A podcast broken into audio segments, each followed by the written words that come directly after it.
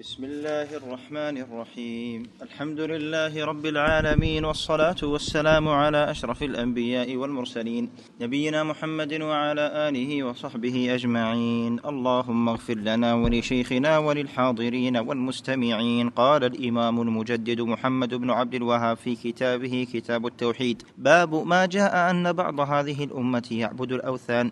وقول الله تعالى ألم تر إلى الذين أوتوا نصيبا من الكتاب يؤمنون بالجبت والطاغوت ويقولون للذين كفروا هؤلاء أهدى من الذين آمنوا سبيلا.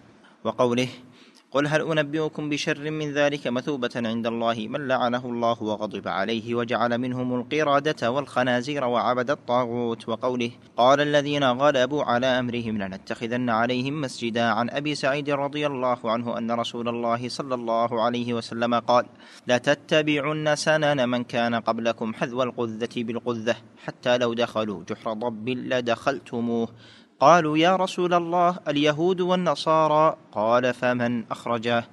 ولمسلم عن ثوبان رضي الله عنه أن رسول الله صلى الله عليه وسلم قال إن الله زوالي الأرض فرأيت مشارقها ومغاربها وإن أمتي سيبلغ ملكها ما زوالي منها واعطيت الكنزين الأحمر والأبيض وإني سألت ربي لأمتي ألا يهلكها بسنة بعامة وأن لا يسلط عليهم عدوا من سوى أنفسهم فيستبيح بيضتهم. وإن ربي قال يا محمد إذا قضيت قضاء فإنه لا يرد. ما عندك إني؟ لا أحسن إني إذا قضيت قضاء. نعم في نسخة إني إذا قضيت قضاء. نعم. وإني أعطيتك لأمتك ألا أهلكهم بسنة عامة وألا أسلط عليهم عدوا من سوى أنفسهم فيستبيح بيضتهم. ولو اجتمع عليهم من بأقطارها حتى يكون بعضهم يهلك بعضا ويسبي بعضهم بعضا. ورواه البرقاني في صحيحه وزاد وإنما أخاف على امتي الأئمة المضلين. وإذا وقع عليهم السيف لم يرفع إلى يوم القيامة. ولا تقوم الساعة حتى يلحق حي من أمتي بالمشركين. وحتى تعبد فئام من أمة الأوثان. وإنه سيكون في أمتي كذابون ثلاثون. كلهم يزعم أنه نبي وأنا خاتم النبيين لا نبي بعدي. ولا تزال طائفة من أمتي على الحق منصورة لا يضرهم من خذلهم حتى يأتي أمر الله تبارك وتعالى. انتهى. بسم الله الرحمن الرحيم. الحمد لله رب العالمين. صلى الله وسلم وبارك على نبينا محمد وعلى آله وأصحابه أجمعين. هذا الباب فيما جاء أن بعض هذه الأمة تعبد الأوثان. كما قال الله تعالى ألم تر إلى الذين أوتوا نصيبا من الكتاب يؤمنون بالجبت والطاغوت. الجبت هو السحر. وقيل الشيطان. وقيل كل شيء لا خير فيه. هذا يقال له جبت. والطاغوت في اللغة مأخوذ من التجاوز للحد. وهو ما تجاوز به العبد حده من معبود أو متبوع أو مطاع. هذا يقال له كما عرفه ابن القيم رحمه الله تعالى. ورؤوس الطواغيت خمسة. إبليس لعنه الله ومن دعا الناس إلى عبادة نفسه ومن ادعى علم الغيب ومن رضي أن يعبد من دون الله تعالى ومن حكم بغير ما أنزل الله. هؤلاء كلهم يقال لهم طواغيت رؤوس الطواغيت. ولا شك أن الله تبارك وتعالى قد حرم هذه الأشياء. وفي هذا الحديث حديث أبي سعيد قوله عليه الصلاة والسلام لتتبعن سنن من كان قبلكم. سنن وسنن. فالسنن مفرد ومعناه السبيل والطريق. أي لتتبعن سبيل من كان قبلكم. ويروى سنن جمع سنة وهي الطريقة. أي لتتبعن طرائق وطرق من كان قبلكم. لا شك أن كلام النبي عليه الصلاة والسلام لم يأتي به عليه الصلاة والسلام من الهوى وإنما هو من الله تعالى وحي من الله تعالى. قال من كان قبلكم حذو القذة بالقذة. يعني القذة ريش سهمة ريشة السهم. لا ريشة يسدد الإنسان عليها حتى يصيب ولا يعني قذة فهم يتابعون هذا الإنسان حتى إذا دخلوا لو دخلوا جحر ضب لدخلتموه يعني هذا من باب البيان. ومن باب أولى حتى ولو دخلوا جحر أسد أو غيره أكبر لكن هذا من بيان التغليب وأنهم حتى ولو دخلوا جحر ضب لدخلوه يعني مشابهة لهؤلاء. قد وقع كلام النبي عليه الصلاة والسلام. قالوا يا رسول الله اليهود والنصارى؟ قال فمن؟ يعني فمن أعني؟ وبين النبي عليه الصلاة والسلام بهذا في الحديث إن الله زوى الأرض أي ضمها فرأيت مشارقها ومغاربها. وهذا من معجزات النبي عليه الصلاة والسلام. ضم له الأرض حتى رأى المشارق والمغارب. وإن أمتي سيبلغ ملكها ما زوي لي منها. أعطيت الكنزين هذا يدل على علامة صدق النبي عليه الصلاة والسلام ومعجزاته عليه الصلاة والسلام. فقد وصل الإسلام إلى أقصى الشرق إلى الصين. قد وصل إلى أقصى الغرب إلى طنجة وأقصى المغرب. ولم يحصل هذا الامتداد في الشمال والجنوب. وهذا يعني يدل على صدق النبي صلوات الله وسلامه عليه. ولا شك أن كلام النبي عليه الصلاة والسلام هو وحي من الله تعالى كما قال وما ينطق عن الهوى إن هو إلا وحي يوحى. وفي هذا الباب أن النبي عليه الصلاة والسلام خاف علينا الأئمة المضلين وهذا الإمام الضال قد يكون من جهة الدين وقد يكون من جهة الحكم. فولي الأمر إذا كان أميرا أو ملكا أو رئيسا وهو ضال فالناس يضلون معه. وإذا كان من جهة الدين العلماء الذين يحكمون بغير ما أنزل الله أو الذين يفتون بما لا يرضي الله تعالى هؤلاء من الضالين. فلا شك أن النبي عليه الصلاة والسلام خافهم على هذه الأمة صلوات الله وسلامه عليه. وفي الباب قوله بعض هذه الأمة تعبد الأوثان الوثن يطلق على كل ما عبد من دون الله تعالى والصنم ما له صورة. يعني الفرق بينه وبين الصنم وهذا واقع. ولا شك أن هذا الباب له أهمية عظيمة وسنستمع إن شاء الله إلى تعليق سماحة الشيخ رحمه الله تعالى وهو يغطي الموضوع. أسأل الله عز وجل لي ولكم العلم النافع. نعم سم. قال الشيخ ابن باز رحمنا الله وإياه. باب ما جاء أن بعض هذه الأمة يعبد الأوثان أي باب ما جاء من أحاديث وآيات تدل على ذلك وأنها غير معصومة في الوقوع في الشرك.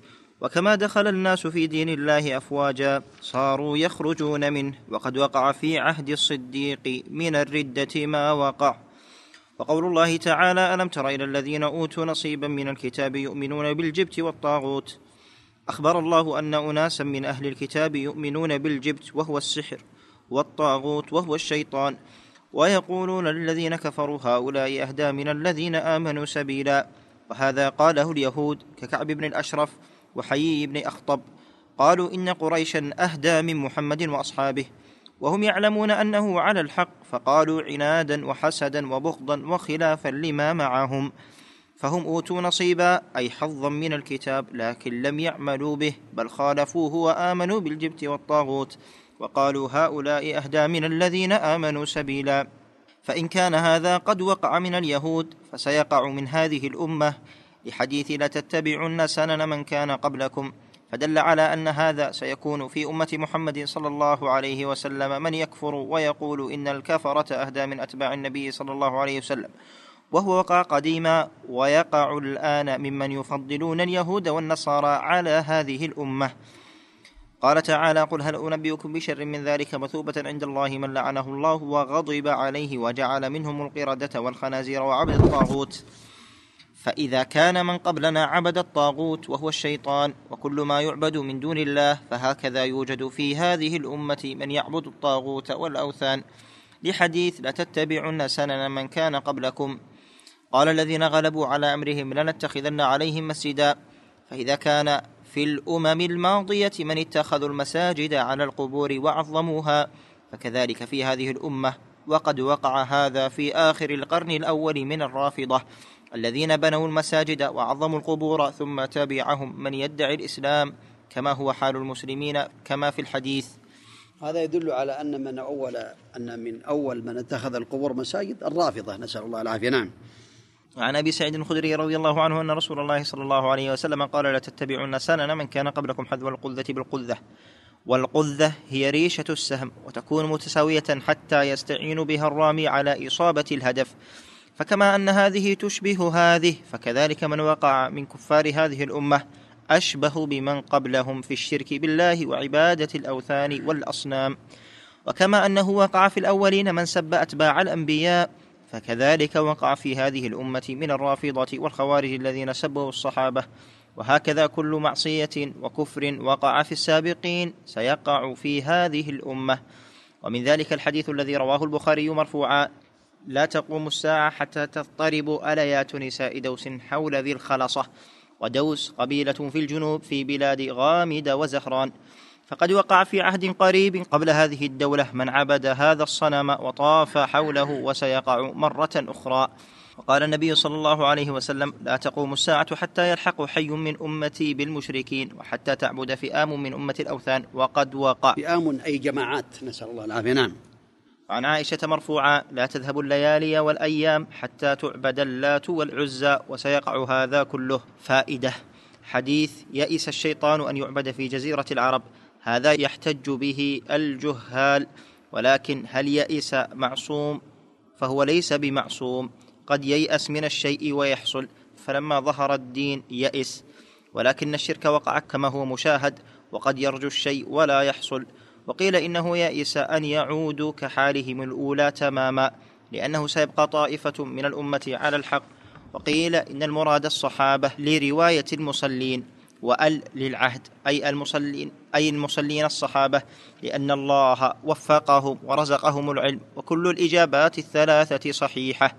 ولمسلم عن ثوبان رضي الله عنه أن رسول الله صلى الله عليه وسلم قال إن الله زواري الأرض زوى أي جمعها فرأيت مشارقها ومغاربها وإن أمتي سيبلغ ملكها ما زوي لي فيها وهذا معلم من معالم النبوة فقد وصل ملك هذه الأمة إلى أقصى المشرق إلى الصين وإلى أقصى المغرب وطنجة وليس كذلك شمالا وجنوبا. وأعطيت الكنزين الأحمر والأبيض هي كنوز كسرى وقيصر وكان أعظم دولتين دولة النصارى والوثنيين وهذا ما حصل لهذه الأمة. وقد أنفقت كنوزهما في سبيل الله كما أخبر بذلك النبي صلى الله عليه وسلم في عهد عمر وعثمان وهذا علم من أعلام النبوة. فيستبيح بيضتهم البيضة المجتمع والحوزة والخلاصة لسنة عامة أي هلاكا عاما كما جرى لقوم نوح وصالح وغيرهم لأن هذه الأمة آخر الأمم. ولما جعل الله في نبيها من الخير والبركة وستبقى هذه الأمة إلى قيام الساعة. ألا يسلط عليهم عدوا من سوى أنفسهم؟ فاستجاب له لكن قال الله حتى يهلك بعضهم بعضا ويسبي بعضهم بعضا. أي إذا تسلطوا فيما بينهم وتقاتلوا سلط عليهم أعداؤهم. وهذا ما حصل لما تفرقوا واختلفوا. طامع فيهم أعداؤهم وأخذوا ما في أيديهم من أزمان طويلة. قضيت قضاء لا يرد أي أن الله إذا أمر بشيء وقضاه وقدره لا يرده أحد. وقد سبق في علم الله أن هذه الأمة سيقع فيها الخلاف والنزاع وأن دعوته صلى الله عليه وسلم لهم في أنهم لا يتقاتلون ولا يتنازعون فيما بينهم لم تستجب بل منع هذه الدعوة. ولهذا وقع النزاع في العهد الأول وما بعده كما حصل من التتار ما حصل بعد ذلك من تسلط العدو عليهم بسبب عدم تمسكهم بالحق على الوجه الصحيح. وأن الله لا يغير ما بقوم حتى يغيروا ما بأنفسهم وبه يعلم أن الأمة لو اجتمعت على الحق واستقامت وتعاونت فإنها تغلب عدوها ويجمع الله لها الخير ومتى تفرقوا وتنازعوا طمع فيهم الأعداء سهل عليهم أخذها والنيل منها. وما رواه البرقاني وزاد وإنما أخاف على أمة الأئمة المضلين. البرقاني بتثليث الباء وقال بعضهم وبدون ضم. وهذا يفيد خطورة الأئمة المضلين. وهم ولاة السوء فإنهم يتبعون ويتأثر بهم. ويستعان بهم على الباطل. فلذلك خاف على أمته منهم وهذا يشمل الأمراء والقضاة الضالين. وإذا وقع السيف لم يرفع إلى يوم القيامة. وهذا قد وقع وهذا من علامات النبوة. فإن باب الفتنة فتح بقتل عمر ثم ازداد بقتل عثمان وزاد الشر. لا تقوم الساعة حتى يلحق حي من أمتي بالمشركين وحتى تعبد فئام من أمة الأوثان. يدل على أن الشرك سيقع في هذه الأمة وقد حصل وهذه هي الوثانية حصلت في الجزيرة وغيرها. سيكون في أمتي كذابون ثلاثون وهو من علامات النبوة وقد وقع كما تنبأ مسيلمة فقتله الصحابة والأسود العنسي وقد قتل في حياة النبي صلى الله عليه وسلم. وسجاح التميمية وثابت وطليحة الأسدي وقد تاب الأسدي نعم. أحسن الله عليك. نعم. وغيرهم وآخرهم الدجال الذي يدعي النبوة ثم يدعي أنه رب العالمين قاتله الله. وهؤلاء المدعون هم الذين يكون لهم شوكة وصولة وشبهة. وإلا فالمدعون كثير بعضهم يقولها بجنون وهذيان وغيره. ولا تزال طائفة من أمتي على الحق. هذا من علامات النبوة أيضا. ومن البشرى وهذه الطائفة لا تزال إلى الآن. وإلى يوم القيامة. نعم. حتى يأتي أمر الله وهي الريح الطيبة التي تقبض أرواح المؤمنين فتقوم الساعة على شرار الناس. وقد جاء في رواية أنها تكون بالشام لكن إن صح هذا فالمراد أحيانا وليس دائما ولكن غالبها روايات ضعيفة وليس لها مكان معين قد تجتمع وقد تفترق وليس في حديث صحيح ما يدل على أنها تكون في مكان معين. انتهى كلامه رحمه الله. نسأل الله عز وجل لنا ولكم العلم النافع العمل الصالح التوفيق لما يحبه ويرضاه صلى الله وسلم وبارك على نبينا محمد وعلى آله وأصحابه أجمعين.